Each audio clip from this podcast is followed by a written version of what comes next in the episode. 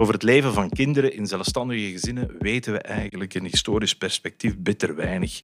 Ik denk niet per se dat wij meer winkeltje hebben gespeeld dan andere kinderen, niet van zelfstandigen. Maar wij hadden gewoon wel al het gerief. Ja. Wij moesten niet met een plastieke kassatje klooien. Je had gewoon wel een echte kassa en een echte... Bij. En je En hebt echt wel- geld. Je moet ondertussen alles nog blijven betalen en er komt geen rottenbal binnen. Ondernemen is altijd hetzelfde. Als je in een zetel zit, een warme, zachte zetel, en niet veel hoesting op te staan. Je zit goed en je zit op je gemak. Maar je op een harde stoel zit, met een nagelegen had, ga je zeggen, verdomme, dat moet hier veranderen, dat moet hier beter zijn.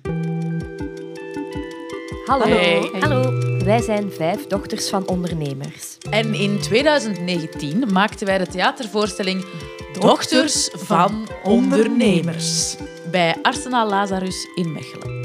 En nu is er de podcast.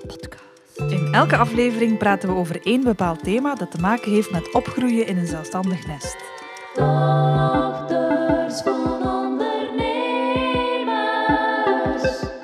Beluister de vijf afleveringen vanaf 16 maart in je favoriete podcast-app.